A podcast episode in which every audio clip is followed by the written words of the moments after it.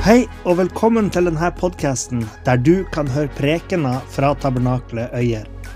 Vi håper det du hører her, vil være til oppbyggelse for det, og at det kan være til hjelp med å lede det til sannheten om Jesus. Hvis du ønsker å finne ut mer om oss, kan du gå inn på hjemmesida vår på tabernakletoyer.no.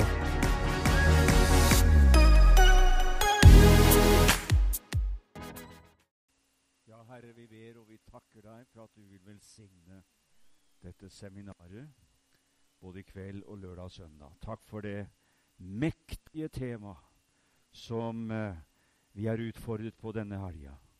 Og før oss inn i Skriftene, og la oss få se denne store, vidunderlige sannhet som eh, gis så stor plass i Skriften at vi stadig burde minne om.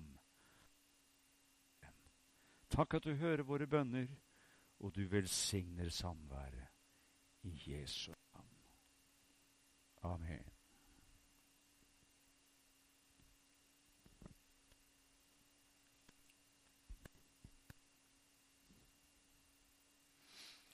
Vi kan eh, begynne å lese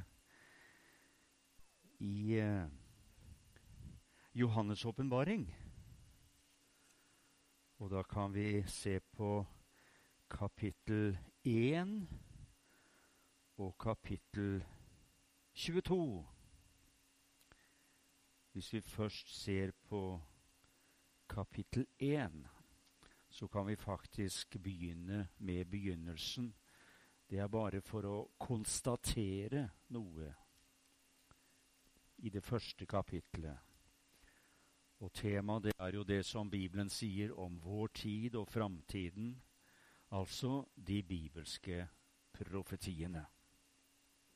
Og det skal vi se på. Og hvis vi ser på eh, første kapittel, vers 1 Jesu Kristi åpenbaring.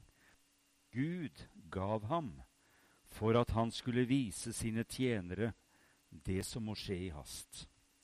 Han sendte bud ved sin engel og kunngjorde det i tegn for sin tjener Johannes, som har vitnet om Guds ord og Jesu Kristi vitnesbyrd, alt det han så. Salig er den som leser, og de som hører det profetiske ord, og holder fast på det som der står skrevet, for tiden er nær. Det var begynnelsen på Johannes' åpenbaring. Og vi kan også se på avslutningen i kapittel 22. Vi tar noen forskjellige vers der. Vi kan først lese vers 7. Se, jeg kommer snart. Salig er den som holder fast på de profetiske ordene i denne boken. Vers 12.: Se, jeg kommer snart, og min lønn er med meg, for å gi enhver igjen ettersom hans gjerning er. Og vers 16.: Jeg, Jesus, har sendt min engel for å vitne om dette for dere i menighetene. Jeg er Davids rot og ett, den klare morgenstjerne. Og de to siste versene i Bibelen. Han som vitner dette, sier, Ja, jeg kommer snart. Amen. Ja, kom, Herre Jesus. Vår Herre Jesu Kristi nåde være med dere alle. Amen, sier han. Det er fantastisk å lese Johannes' åpenbaring, for det er jo da det som kalles for apokalypsen. Apokalypsen, åpenbaringen. Og det er ikke bare vi kristne som snakker om apokalyptiske tider. Det er laget verdslige filmer som kjøres på kino, om hvordan folk ser for seg tiden kan bli fremover. Og i dag får vi hjelp av forskere, vitenskapsmenn, også politikere. Med tanke på at tegn som Bibelen har forutsagt i mange år Ja, vi får forskernes resultater på bordet. Har dere lagt merke til at nesten alle snakker om fram til 2030? Har dere lagt merke til det? Det er snart blitt et magisk årstall. 2030. Bare legg merke til det. Vi skal komme tilbake til det. Nå skal vi ikke henge oss for mye opp i tall. Men jeg tror det er som Håkon Haug synger i en gammel pinsesang. Vi kjenner tiden, at den er nær. Men dag og time, den kjenner vi ikke. Det er noe annet. Dag og time. Men tiden, den kjenner vi er nær. Og når Jesus taler til oss, og det er faktisk han som snakker til oss gjennom Johannes' åpenbaring Johannes, apostelen Johannes, den eneste av de tolv som unngår martyrdøden. Som dør en uh, alminnelig død ute på Patmos. Han har jo disse veldige synene i sin alderdom. Og han ser. Han ser inn i vår tid. Har du tenkt på det? Han ser forbi vår tid, og han ser inn i framtiden. Apokalypsen, åpenbaringen. Har du lagt merke til hvordan denne boka, denne helt spesielle boka, korresponderer med ikke minst profeten Daniel? Der er det mye likhet. Og jeg tenker, skulle tro de kjente hverandre. Skulle tro de kommuniserte. Men de gjorde ikke det. vet du. Det er omtrent som om du skulle snakke med en som opplevde svartedauden på 1300-tallet. De gjør jo ikke det. Det var jo død for 700 år siden. Daniel hadde vært død i 600-700 år. 600 i hvert fall. Når Johannes har sine syner. Og allikevel, det er en korrespondanse, det er en parallellitet. Det er en åpenbaring som går igjen både hos Daniel og hos Johannes. Hvorfor det? De har den profetiske ånd. Og profetisk ånd, det er noe som gir klar syn for det som kommer. Og der er Bibelen med sine profetiske bøker og ved Den hellige ånd, som kjenner framtiden, helt i særklasse. Hvor finner du religiøse skrifter med profetier? Hvor finner du det?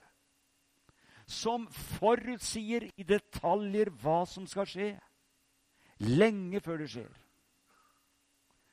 Det er som Gilbrand talte en del om. vet du.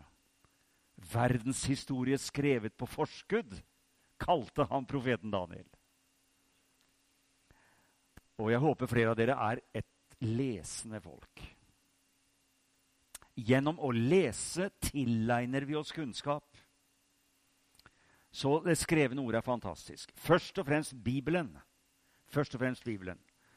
Og det fikk jeg som uh, ung kristen i min åndelige fødselsdagsgave av Herren. Da jeg ble frelst 5. april 1964. Det er snart 56 år siden. Tenk på det. Med en gang ble det lagt en leselyst i mitt hjerte etter å granske Guds ord. Og ikke minst var jeg veldig nysgjerrig på det profetiske ord. Og elsket når pinseprofilene som forkynte om Jesu gjenkomst, og la ut profetordet ja, Da var det nesten så jeg holdt meg i stolkarmen, som Prøysen synger, og var med. Det var fantastisk å høre hva Strøm og Kornmo, Svartdal og Minos mente om Israel. Om folket som gav oss Jesus. Om profetiene, om endetiden, om himmelen. Det var fantastisk. Og den interessen har vært der hele tiden. Og fremdeles har, det jeg, har jeg det slik, som et personlig vitnesbyrd, at hver eneste dag før nyheter på TV og radio og aviser, så leser jeg alltid tre-fire kapitler i Bibelen. Og fyller mitt uthvilte sinn med Guds ord. Det har jeg opplevd fungerer bra for meg. Dermed leser jeg gjennom Bibelen hvert eneste år. Begynner på 1. januar, og leser jeg 3,25 kapitler hver dag, så er jeg ferdig nyttårsaften. Altså, Jeg kan ikke regne med at du er sånn skrudd sammen som jeg, men jeg er sånn menneske. Jeg kan ikke noe for det. sånn er jeg. Men det viktigste er at vi leser. For vet du hva det sto? Salig er den som leser det profetiske ord. Det er en av veiene til å bli salig. Snarveier står det på Internett noen ganger. Bank og litt av hvert. En av snarveiene til bonus av salighet, det er å lese Guds ord. Og så var det mer òg. Salig er den som leser, og den som hører. Så flott at du prioriterte fredagen her. Den som hører, den som leser, og tar vare på. Hva da? Det profetiske ord. Det var sånn det begynte. Og dermed så får vi innsikt i Guds frelsesplan. Og tenk dere at det er Guds frelsesplan vi er med å avdekke når vi går inn i profetordet. Så er det som om Den hellige ånd fører oss inn i Guds frelsesplan. Og vi passerer en del profetiske milstolper. Og vi kjenner igjen i dag terrenget stemmer med kartet. Guds ord tar aldri feil. Og det er som Kornmo sa en gang da jeg var ung. Alle profetord, sa han. Jeg hører han ennå. Oppfylles når tiden er inne. Han hadde den derre veldige stemmen. Når tiden er inne, da oppfylles alle profetiske ord. Og tenk bare på profetordet som avslutter boka. Se, jeg kommer snart. Er det Johannes som sier det? Er det Johannes vi venter på? Nei, han var bare Herrens sekretær. Han Han gjorde et skrivearbeid for Den hellige ånd. Hvem er det som sier 'Jeg kommer snart'? Det er jeg, Jesus. Det er Jesus vi venter på. Vi vet at Antikrist kommer også. Han kommer også i sin tid, og han kan komme snart. Men jeg tror før han åpenbares i sin brutalitet, forførelse og velde, så tenker jeg ut ifra min bibellesning i 56 år at Jesus kommer først. Jesus kommer først, tenker jeg. Jeg kan ikke følge dem som tenker at vi skal igjennom hele trengselstiden. Vet du hva? Trengselstiden Ja, noen sier til meg Vi har jo ikke noe løfte om at vi skal slippe trengsel. Nei, det har vi ikke, sier jeg. Og Jesus sa, 'I verden har dere trengsel'. Johannes 16, 33. Men frykt ikke, jeg har overvunnet verden. Men trengselstiden som vi leser om, det er ikke trengsler for Jesu navns skyld. Trengselstiden er Guds dom over en verden som har forkastet Kristus, og som også går utover jødefolk. Det er trengselstid. Dommen over oss som har tatt imot Jesus, den er avsagt, den. Vi er allerede dømt. Vi skal ikke innenfor dommen, vi. Vi er dømt, vi. Er vi dømt? Ja, vi ble dømt på Golgata, vi. Ja, hva lyder dommen, da? Full frifinnelse. Det er ingen fordømmelse for den som er i Kristus Jesus. Romer 81. Vi er gått over fra døden til livet. Kan skjønne Gud sender ikke oss inn i en ny domsperiode. Vi er dømt. Men Kristus tok skylden på seg, så vi er fri. Derfor. Og jeg tenker på mor og far, da. Det går imot mørke tider, ikke sant? Bare siden jeg kjørte fra Lillehammer Vi har tatt en havn der disse dagene, og jeg fant på Internett 20 minutter opp her. Og så eh, var det så lenge siden jeg kjørte her, så jeg måtte stoppe her gitt, og skrive inn adressen på skjermen. Hva heter den ene? GPS-en, ja. Nettopp. Men jeg rakk det akkurat. Den hellige ånd tar aldri feil av tiden. Jeg tror jeg har kjørt meg bort mange ganger, er på vei til møter og finner ikke lokalet. Det står aldri feil. Presis på 00 går jeg inn av døra. Det er merkelig, for Den hellige ånd kjenner tiden. Og det er Gud som har sendt meg hit. Og det er fantastisk å vandre med Herren, vet du. Halleluja, det er jo fenomenalt. Så det, det, er helt underlig å tenke på tiden. Nå er det mørkt, ikke sant? Det er ikke lenge siden det ble mørkt. Og bruker man mørket som en metafor og natten Hvorfor sa Jesus i Johannes 9,4 Natten kommer da ingen kan arbeide. Natten er et annet ord for trengselstiden. Det er natten. Ikke sant? Natten kommer da ingen kan arbeide. Du husker den gamle misjons- og vekkelsessangen? Arbeid før natten kommer. Da er ei lenger tid. Virk i den årlige morgen, bruk kun all din flid. Ja, Men kan vi ikke arbeide om natten? Nei, vi er ikke her. Vi er ikke på jorda når trengselsnatten kommer. Derfor sa Jesus ingen kan arbeide om natten. Vi skal arbeide mens det er dag. Og ifølge 1. Tessalonikerne 5 så hører ikke vi natten til. Vi hører dagen til. Vi er dagens barn. Før natten kommer. Og jeg husker barndomshjemmet. Dere husker jo Jan, flere av dere. Altså, Jeg vil bare si at uh, det er han som er eldst av oss to. altså Alle tror jeg er eldst. Det liker jeg ikke. Jan er tre år eldre. Men først så var det Grete vet du, og Jan og Terje og Øyvind. Og jeg kan huske 50-tallet. Vidunderlige, fredfulle, idylliske 50-tallet. Når mange av oss hadde barndommen, ikke sant? Det var ikke mye duppeditter. Vi var ute og lekte. Ja, vi var ute og lekte. Til og med den ene radiokanalen vi hadde, tok lange pauser. To timers pause. Og det var ingenting å høre på! Og så stengte de kvart over elleve om kvelden, gjerne, for da skulle de hjem og sove. Og så var det morgen, morgen dagen etterpå. Sånn, tenk, sånn var det i vår barndom. Mellom klokka to og halv fem Hva var det på norsk radio? Det var ene kanalen vi hadde. Dan, dan, dan, dan, dan, dan, dan, dan, dan, dan, sa det. I to timer! Pausesignal av Eivind Groven. Komponisten Eivind Groven. Tenk for en tid vi vokste opp i. Men så var vi ute og lekte, da. Vi var ute Og lekte, og så begynte det å bli mørkt. Og da hørte vi mor. Vi hørte mor. Jan!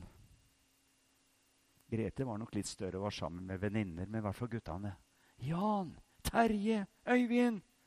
Dere må komme hjem! ropte mor på trappa. Det blir mørkt! Nettopp. Det blir mørkt nå, dere må komme hjem! Mor hadde omsorg og hjerte for barna sine. Hun kunne ikke tenke seg at vi skulle være ute i mørket. Når mørket og natten og kvelden kom, nei, da ville en god mor ha oss inne og hjemme. Hvordan tror dere ikke Gud er? Gud sammenligner seg med en kvinne, med en mor. Det kan hende at en mor, sier Jesaja 49, 16, glemmer sitt tiende barn. Det kan skje. Jeg har hørt skrekkhistorier om det. Men om det skjer, sier Herren, så glemmer ikke jeg deg. Jeg glemmer ikke deg. Sier begge mine hender fra Golgata har jeg tegnet deg. Og så er vi sammenlignet med selveste Jerusalem. Og Jerusalem er Guds øyesten. Han sammenligner deg og meg med Jerusalem og sier, 'Dine murer står alltid for meg'. Tror du Gud vil la oss surre uti mørket når trengselen kommer? Når Antikrist skal forføre hele verden? Åpenbaringen 13.5. Hele verden skal følge ham! Skal vi være der? Nei, de som da ikke dyrets merke, de blir drept. Åpenbaringen 13. Vi er ikke med på det. Vi skal ikke frykte dyrets merke, vi. Han henter oss før disse tingene kommer. Halleluja. Vi er allerede dømt. Dommen er frifinnelse. Vi hører Herren til. Og han kommer for å hente dem som hører han til. Se, jeg kommer snart. Jeg kommer snart, sa Jesus. Og snart, det kan bety flere ting. For det første at det er ikke lenge til. Det er tidsaspektet i ordet 'snart'. Jeg kommer snart. Ja, men nå har det jo gått 2000 år. Kan man fremdeles si snart? Ja, hvis du tenker på tidsaspektet inne i evigheten, at Gud er fra evighet til evighet, så er ifølge Jakob vårt liv en kort røk som viser deg en stund, og så er det borte. Det er Jakobs ord for et menneskeliv på 70-80-90 år. En røk som du ser stiger opp en stund, og så er det borte. Hvis det er et spenn mellom komme som frelser og som brudgom, hvis det er omtrent det, så er det egentlig veldig kort tid. På en annen side så betyr snart også at det skjer fort. Jesus sa til Judas det du gjør, gjør det snart. Altså, se å få det overstått. Hvis du har tenkt å forlate meg, forråde meg, se å få det overstått. For snart skal jeg hjem til min far. Fort gjort nå! Dramatisk øyeblikk. Og så står det Johannes 13, 30. Og jeg husker Minos, Minos og David Østby hadde ofte sånne korte eh, skriftsteder. Og da ble det veldig dramatiske prekener, husker jeg. husker Minos talte om Johannes 13, 30, om Judas. Og han gikk ut, og det var natt. La oss be. Ikke sant? Det ble, hørtes så dramatisk ut. Han gikk ut, og det var natt. Å, hva kommer nå, tenkte jeg. Eller David Østby. Yndlingstekst som han hadde da jeg var ung. Annen kongebok. Sju Fem, er det vel? Så sto de da opp i aftenskumringen. Vi ber. Å, hva kommer nå, tenkte jeg. Ikke sant? Korte, intense, spennende tekster. Det var om de fire spedalske menn som satt ved byporten. Ikke sant? Sitter vi her til vi dør? La oss gå opp. La oss bryte opp. Og vi skal også, tenker jeg, bryte opp i aftenskumringen. Det kommer en natt. Det kommer en natt. Men når Jesus kommer snart, så vil det skje fort. Det skjer så fort at vi rekker ikke å blunke. Fordi 1. Korinterne 15, 51, 52 sier Se, jeg sier dere en hemmelighet. I ett øyeblikk. Der har du det. I ett øyeblikk. I ett nu. Da hører vi lyden. Da skjer forvandlingen i ett øyeblikk, i ett nu. Da kommer han igjen. Når vi snakker om Jesu gjenkomst, så må vi være klar over vi må tenke Vi må se for oss to linjer. For det første kommer han brått for å hente sin brud, sin menighet. Sin globale menighet av alle troende. Alle gjenfødte kristne som tror på Jesus og lever i lyset, hører Herren til. Han kommer for å hente dem som venter ham. Så tenker jeg, ut ifra mine bibelstudier, som stemmer overens med det jeg hørte som ung, som stemmer overens med den teologien som formet seg i mine tanker da jeg lyttet til min forstander og predikantene som talte. Så tenker jeg at da går verden inn i trengselen. Ved bortrykkelsen, da går verden inn i trengselen. Og jeg ser for meg Daniels profetier Særlig i kapittel 9, da. Versene 24-27, hvis du noterer. Særlig Daniel 9, 24-27. Der har du den siste uken av 70 uker. Vi skal kanskje se mer på det i morgen. Men den siste uken der, altså en syvårsperiode, kalt for en årsuke, den står igjen. De 69 første ble oppfylt til Jesu død på korset. Så står det igjen en uke, fordi den, de ukene er for Israels folk, står det i Daniel 9, 24. Det er for ditt folk, sier Herren. Og det er trengselstiden. Og det er den siste halvdelen av den 70. uka. Den siste halvdelen der, 42 måneder, 3,5 år, 1260 dager, det er etter min oppfatning den store trengsel. Hvor Antikrist regjerer og forfører ferden. Og Jesus sa om den tiden i Matteus 24 at det blir en trengsel så stor som det aldri har vært på jorden. Hva skjønne, Gud sender ikke sin brud inn i dette ragnarokket. Det gjør han ikke. Da er vi hentet hjem til himmelen. Det er min hellige overbevisning. Se, jeg kommer snart. Så når jeg nå, akkurat nå snakker om at Jesus kommer, så tenker jeg på bortrykkelsen, som skjer først og plutselig.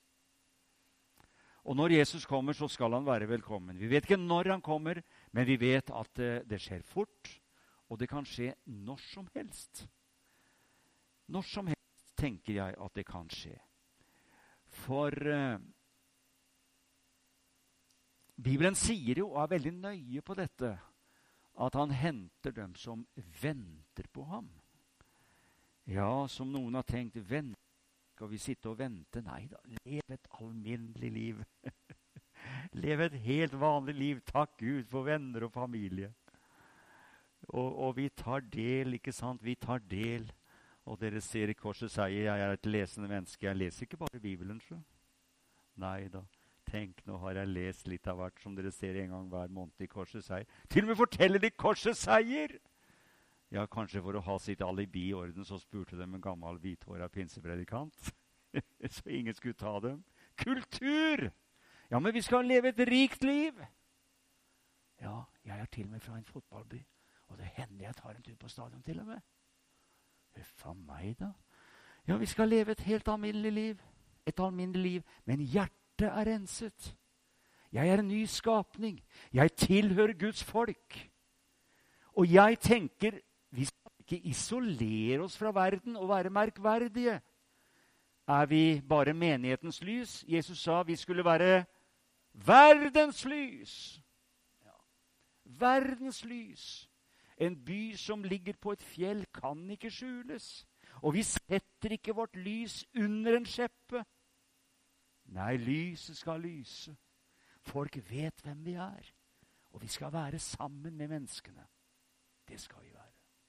Men hjertet hører Herren til. Halleluja. Og Derfor så vet vi ifølge Guds ord at han kommer snart. Se, jeg kommer snart. Hvis noen av dere har eh, ja, i, i, Oslo. Alle her har selvfølgelig vært i Oslo, men uh, det var ikke alltid sånn når man kom en del mil fra hovedstaden for uh, eh, 80 år siden. Men alle her har vært i Oslo. Kanskje dere har gått særlig på Oslo øst. Der er en del innvandrere som har sånne grønnsaker. Uh, bugnende kasser på nesten på hvert gatehjørne flere steder og selger. Tomater og agurker og eksotiske frukter og ikke sant? Og norsk er ikke alltid så lett å lære. altså. Norsk det kan være vanskelig, det. Å snakke norsk korrekt. Det er vanskelig, det. Og eh, det var en, en, av innvandrerne da, som drev en sånn eh, utsalg av frukt og grønnsaker. Så var det en av mine venner som kommer der og skulle handle, fortalte han. Men når han kom, så sto jo varene der i kasser nesten utover fortauet. Men døra var låst, og det var ingen ekspeditør. Da oppdaget han en plakat, så sto det på, på døra. Borte et øyeblikk, men jeg kommer plutselig tilbake. ja, ikke sant? Flott, nesten sånn sjarmerende. Vi må smile litt òg. Litt sånn Kebabnorsk kalles jo litt sånne ting. Det er ikke noe pent ord, men vi hører språkforskere til og med snakker om det. Så det er ikke så lett å lære alle sånne nyanser. Men eh, det talte til meg. Borte et øyeblikk, men kommer plutselig tilbake. Og sånn er det med Jesus òg.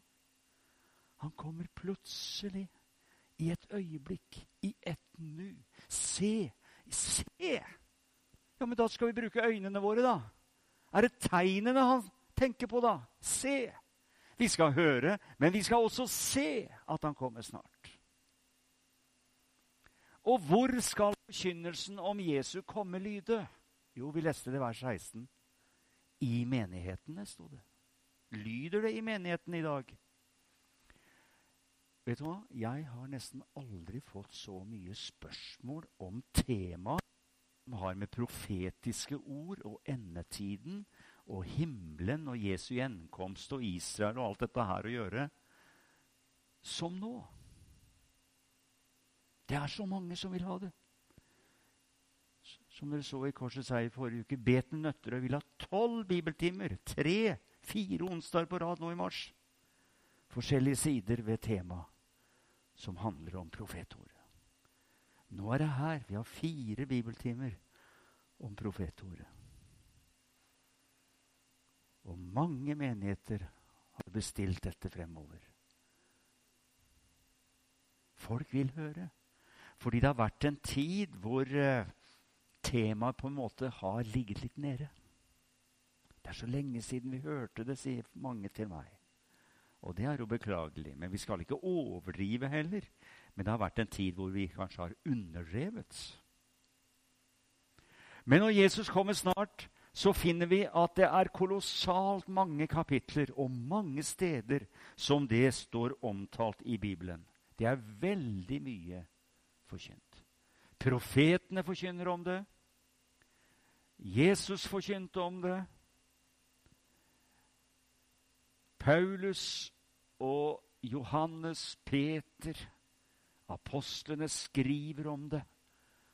Og som en mektig avslutning så krones Bibelen med det mektige apokalyptiske skriftet som heter Johannes' åpenbaring. Og der ser du det siste Jesus sier til oss, som vi leste. Det er at se, jeg kommer snart. Og vi, eh, vi leste det ikke, men det står også et vers som vi ikke tok tid til å lese. Vi burde kanskje gjort det. Det står i et vers imellom der, i vers 17, 22, 17. Ånden sier det, og bruden sier det. Hvorfor det?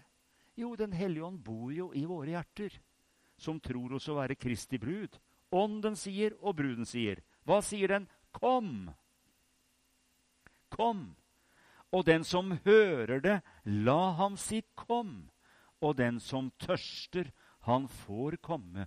Og den som vil, får ta livets vann uforskyldt. Så ser vi avslutningshilsenen er han som vitner dette, vers 20, sier ja, jeg kommer snart. Amen. Ja, kom, Herre Jesus Kristus. Og etter dette er jo godt at han lyser velsignelsen over oss. Han kommer.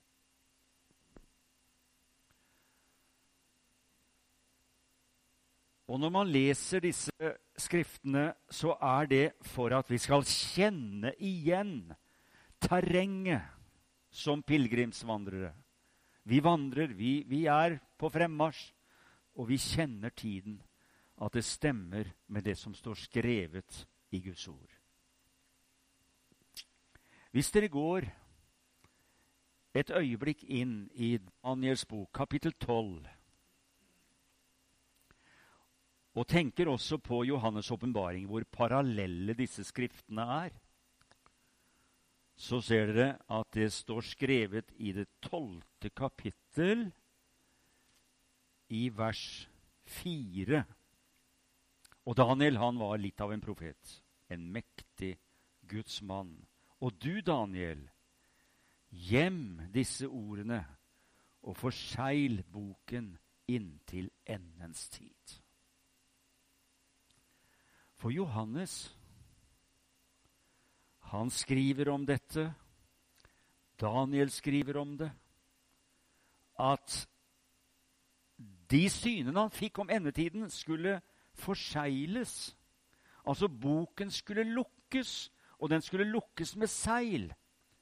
Og denne profetiske boken skulle være lukket hvor lenge? spør Johannes. Hvor lenge skal denne boken være lukket? Hvor lenge, se på vers 6, hvor lenge varer det før disse underfulle tingene er til ende? Altså, Daniel profeterer om endetiden. Da sier han, 'Jeg hørte hva mannen sa', vers 7. Han som var kledd i hvite linklær og sto over elvens vann.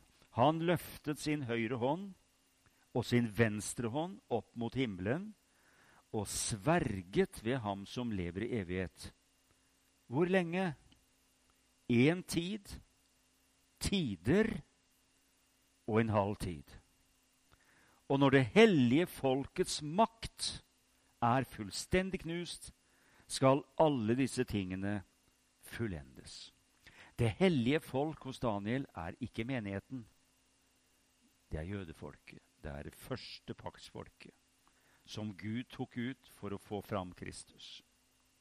Det er det hellige folk hos Daniel. Akkurat som jeg sa, det står i Daniel 9, 20, 24 70 uker er tilmålt ditt folk. Ditt folk her er da ikke de troende generelt, men det er jødefolket som Daniel er av. Men når det er snakk om disse profetiene som skulle forsegles inntil enden, så er et faktum, dere, det er et faktum at det er ikke mange som har skjønt Daniels profetier. Men vi begynner å skjønne dem. Vi begynner å skjønne dem fordi vi nærmer oss oppfyllelsens tider. Vi begynner å se at tiden ligner på det som Daniel så i ånden. Tenk dere at Daniel sto her. Tenk dere at Daniel levde her, og det trappetrinnet her, det er ca. 600 år før Kristus. Og Daniel ser inn i den lyse salen der, som er tiden vi lever i. Vi er der nå. Og fordi vi kryper langs tidsgrensen, men Daniels profetiene ligger fremdeles her, så kan vi kjenne igjen det han profeterer. For han skriver ikke om sin samtid. Han skriver om det han ser. Ser dere forskjellen?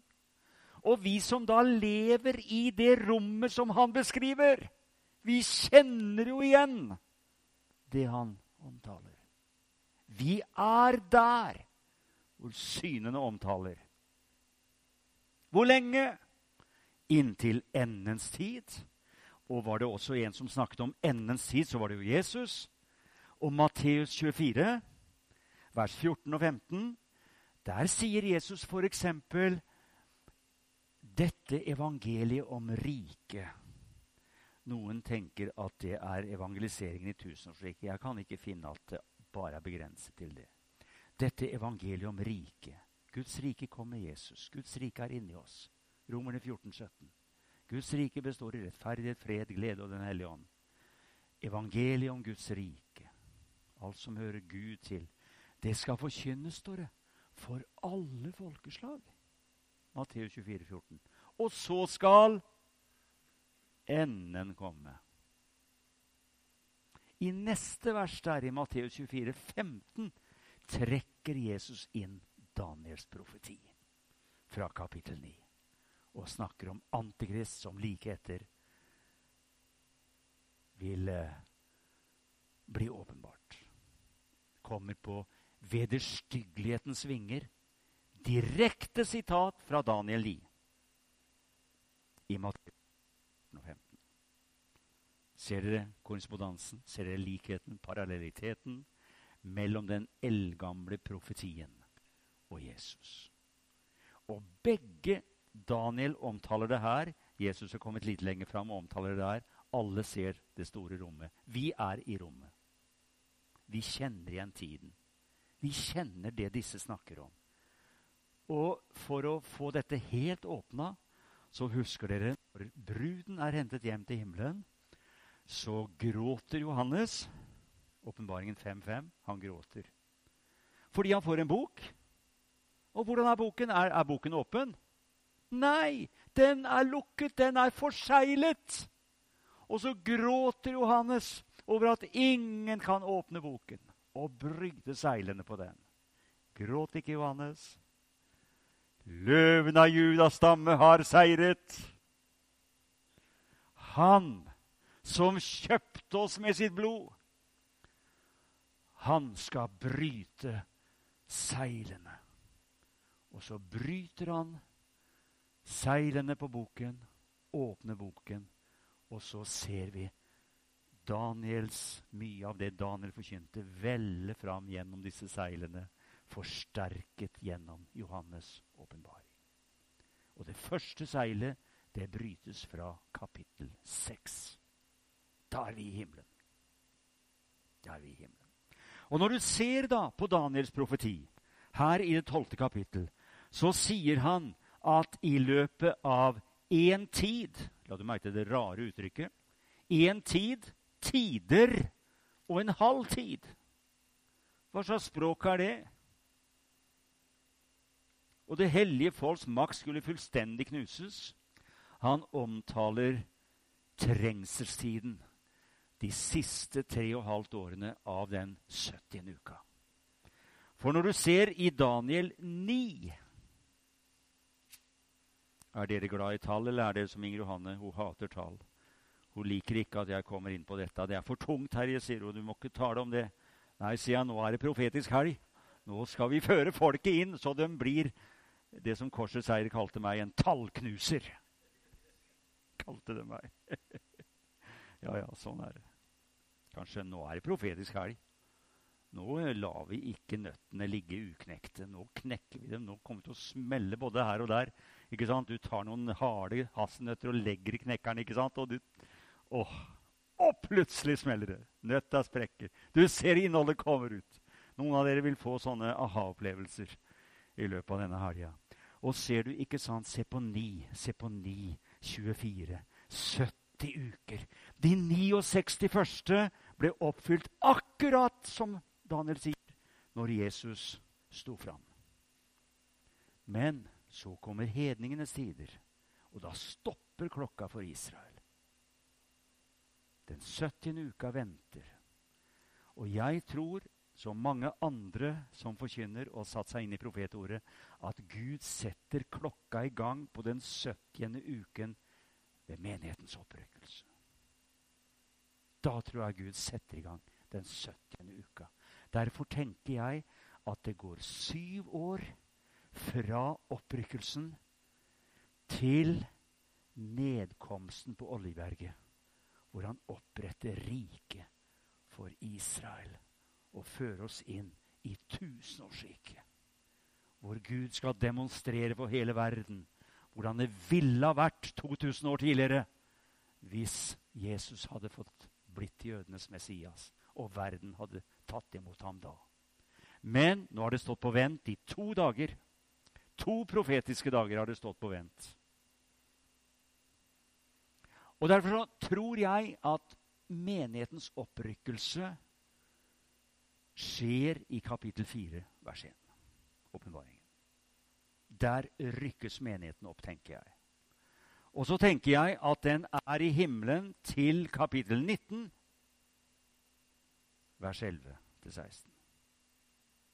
Sånn tenker jeg alle de kapitlene mellom 4 til midt i 19, da skildrer Johannes enten scener fra himmelen, hvor vi er til stede, men mest dramatiske som skjer i trengselstiden. Og husk, og hvis du ser på Daniel 9, 27 Det må vi vise dere. Nå er ikke Inger Johanne her. Hun ville hvile seg i kveld nede i byen. Så da, da, tar vi det nå. Så slipper jeg å høre det når vi kommer hjem i morgen. Nei da, jeg setter det litt på spissen. da, Vi skøyer litt. Skal vi se 24, 9, 9, 27. Her står det om Antikrist. Han skal stadfeste en pakt. Altså, han lurer jødene, tenker jeg, med en pakt. Sjarmerer. Den første halvdelen er ikke så ille av trengselstiden. De første tre og halvt åra. På én uke, profetisk her, er syv år. Syvtallet er fullkommenhetens tall. Og så står det, ser dere, i, midt i vers 27 Midt i uken! Ser du det? Midt i uken! Altså etter tre og et halvt år skjer det noe dramatisk i denne syvårsperioden som vi er i himmelen. Da kommer Antikrist på styggdommens vinger. Han kalles ødeleggeren.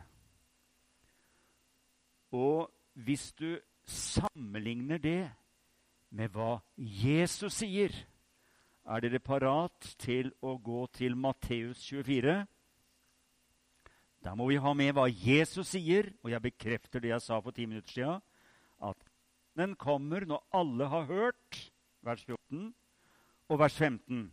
Når dere da ser ødeleggelsens styggedom Kjenner dere igjen de to ordene fra Daniel 9? Det er nøyaktig det samme. Ødeleggelsens styggedom. Når dere ser som profeten Daniel har talt om. Se på Jesus! Som profeten Daniel har talt om. Han løfter altså ut Daniel 9, 27, plasserer den i endetiden omtrent når alle har hørt Jesus, og nå går det fort. Jeg leste i Daniel Nei, Daniel. Jeg leste i Dagen. I, I, Dagen, den kristne avisa som ble utgitt i Bergen. Kanskje noen har den her? Det syns jeg er en veldig fin avis.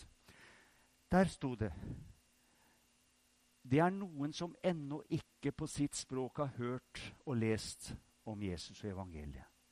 Men de som oversetter, regner med at innen 2030 Der kom det årstallet igjen. Innen 2030 har alle hørt evangeliet på sitt språk. Det ble en oppvekker for meg. Jeg sier ikke at det er der og da, men for meg ble det en vekker. Igjen kom dette årstallet. Da skal enden komme, sa Jesus, og han knytter det til antikristprofetiene i Daniel 9. Ja, men hvordan kan jeg si at jeg tror at bruden rykkes opp ved begynnelsen av kapittel 4? Jo, hvis dere leser åpenbaringsboka, hva er det vi leser om i de tre første kapitlene? Der leser vi om menigheten. Det er menigheten. Alle kapitlene handler om menigheten. Og den er fremstilt som sju menigheter for å få fram bredden i menigheten, fordi sju er fullkommenhetens tall. Det begynner med Efesus, og det avslutter med Filadelfia og Laudikea. Og du har Smyrna, du har Pergamum, du har Tyatira, osv. Efesus var den første.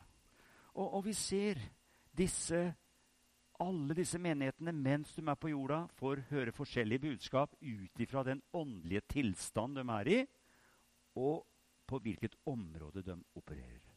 Men alle får den samme hilsenen til slutt. Den som har ører, han hører hva Ånden sier til menigheten. Så han ber dem å lytte til Åndens røst. Og så ser vi det skjer noe merkbart fra kapittel 4. Hvis dere ser i åpenbaringen 3 til 4, i overgangen der, der skjer det noe. Avslutningen på menighetene det er Philadelphia og Laudea.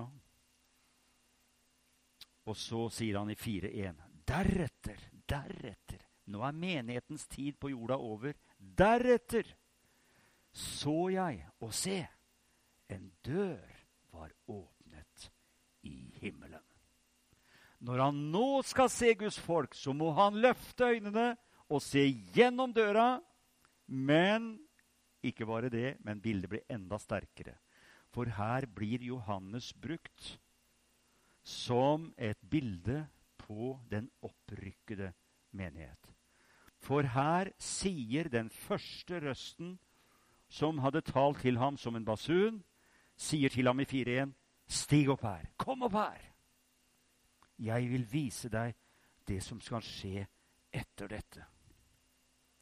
Ordet 'etter dette' betyr ikke etter opprykkelsen der nede sånn i ånden. Det var ikke etter år 96 da han fikk åpenbaringen. Det som skjer etter dette Han vil vise det som skjer etter vår opprykkelse. Altså trengselstiden på jorda eller himmellivet for Guds folk. Ja, kan vi tro at menigheten er i himmelen fra kapittel 4? Det kan vi tro. Og jeg tror at de 24 eldste der på en eller annen måte er et bilde på mennesker som er løskjøpt fra jorden til Gud, og representerer menigheten innenfor tronen. For først så ser du at denne skaren innenfor tronen, den priser Gud. Og du ser i 4.10 at de sammen med fire livsvesener faller ned innenfor han som sitter på tronen. De faller ned for ham. Og da tenker jeg de kneler for ham. Hvem gjør det i himmelen? Hvem er det som kneler for Gud i himmelen? Jo, du får svar i neste kapittel. Her tolker jeg at det må være skaren som kommer fra jorden. For det står i vers 11 De sier 'Verdig er du, vår Herre og Gud'. Ja. Til å få lovprisning og ære og makt. Og Peter sier et sted at englene forstår seg ikke på det som vi har kommet inn i. De skjønner ikke hva frelse er, for de har ikke prøvd synden. Men vi kommer ut fra synden og er innenfor tronen, og vi roper til Gud, 'Verdig er du, verdig er du til å få lovprisning, ære og makt, for du har skapt alle ting, og på bakgrunn av din vilje ble de til og ble de skapt.' Men de stopper ikke der. Dette er noe perifert. Det er ikke det som er tema for lovsangen, tross alt. Det er herlig å prise Gud som skaper og som herre. Men når du går til det neste kapittel, da Da ser du grunnen til at de er der. Se på vers 8. Da det tok boken, altså lammet Jesus Det var dette å åpne seilene falt de fire livsvesener og de 24 eldste ned for lammet. Tenk, nå falt de ned for lammet. Det begynte med at de priste Gud, den store Gud. Inger og han og jeg, vi ber Fader vår hver dag. Hver morgen ber vi Fader vår høyt. Det hender vi er travle på morgenen. vet du. Inger og Hanne begynner tidlig på jobb, jobb psykiatrien og må skynde seg litt. Og det hender vi kan glemme oss nesten bort òg, vet du. Å, vi må be, sier jeg. Hun står i ute i gangen, tar på seg kåpa og holder på med støvlettene, og jeg går bort Fader vår, og hun preker Fader vår mens hun kler på seg. Ha det bra, Terje! Vi rakk det i dag òg. Vi rakk det i dag òg, Fader vår. Ikke sant? Det er herlig å prise Gud. Han er vår far. Men i våre frie bønner Derfor er Fader vår en av våre bønner. Så har vi hjertets bønn i tillegg. Det er godt å ha sånne seremonielle bønner. Det er veldig herlig det å kunne be Fader vår, men det er en seremoniell bønn. Men det var Jesus som lærte oss å be den. Men den er lik dag for dag. Men det stopper ikke der. Så kan vi ut av våre hjerter prise Jesus, som kjøpte oss fra jorden med sitt blod. Så ser du når de har prist Gud Jeg holdt på å si 'bedt Fader vår', for å bruke metaforen. Når de har prist Gud, så ser du i kapittel 5, vers 8 og 9. De eh, har harper og gullskåler fulle av røkelse, som er de helliges bønner. Hvem er det som kommer frem med bønnene? Er det ikke vi? Og så, hva sier de, da? De synger en ny sang. Verdig er du til å ta imot boken og åpne seinet på den, fordi du ble slaktet med ditt blod og kjøpte oss. Der har du skaren. Der har du den gjenløste skaren som priser Herren fordi de er kjøpt til Gud med lammets blod. Stamme, tunge, folk og ett.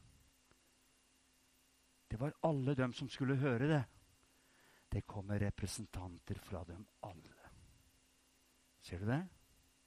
Ser du at vi som har frelst i lammets blod, er i himmelen før seilene brytes fra kapittel 6? Og da går man inn i trengselstiden. Men da er vi der! Da står vi for tronen og priser Gud. Står Vi knefaller. vi knefaller og priser Herren.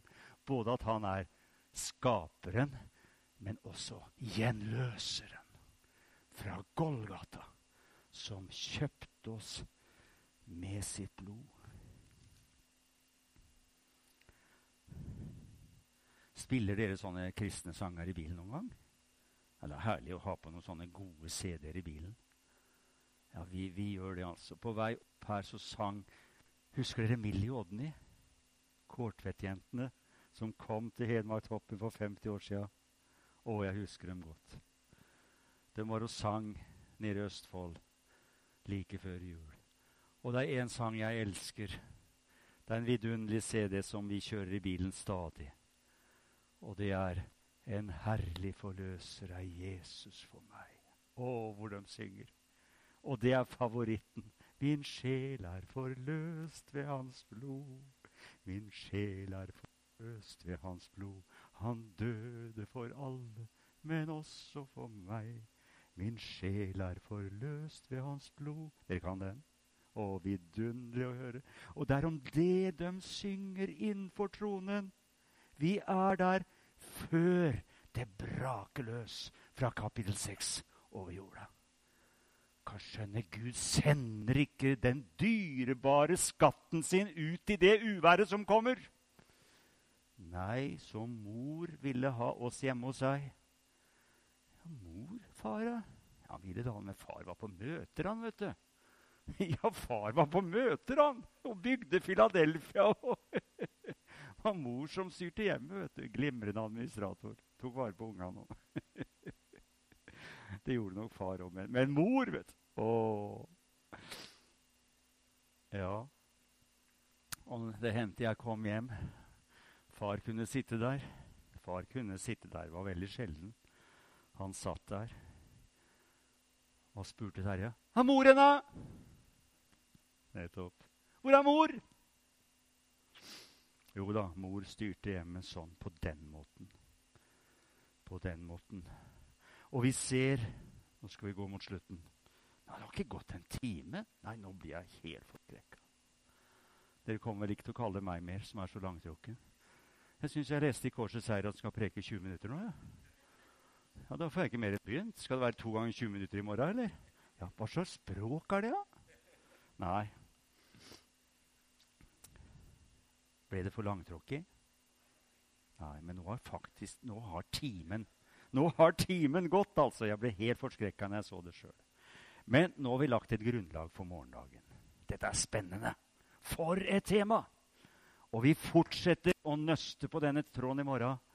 Og vi, vi vet Bibelen er en spennende bok. Og vi fortsetter å snakke om profetordet. Takk, kjære Jesus. Takk at du møter oss, og du velsigner, og du styrker. Og takk for at du har gitt oss Bibelen. Takk at kartet og terrenget, det stemmer overens. I Jesu navn.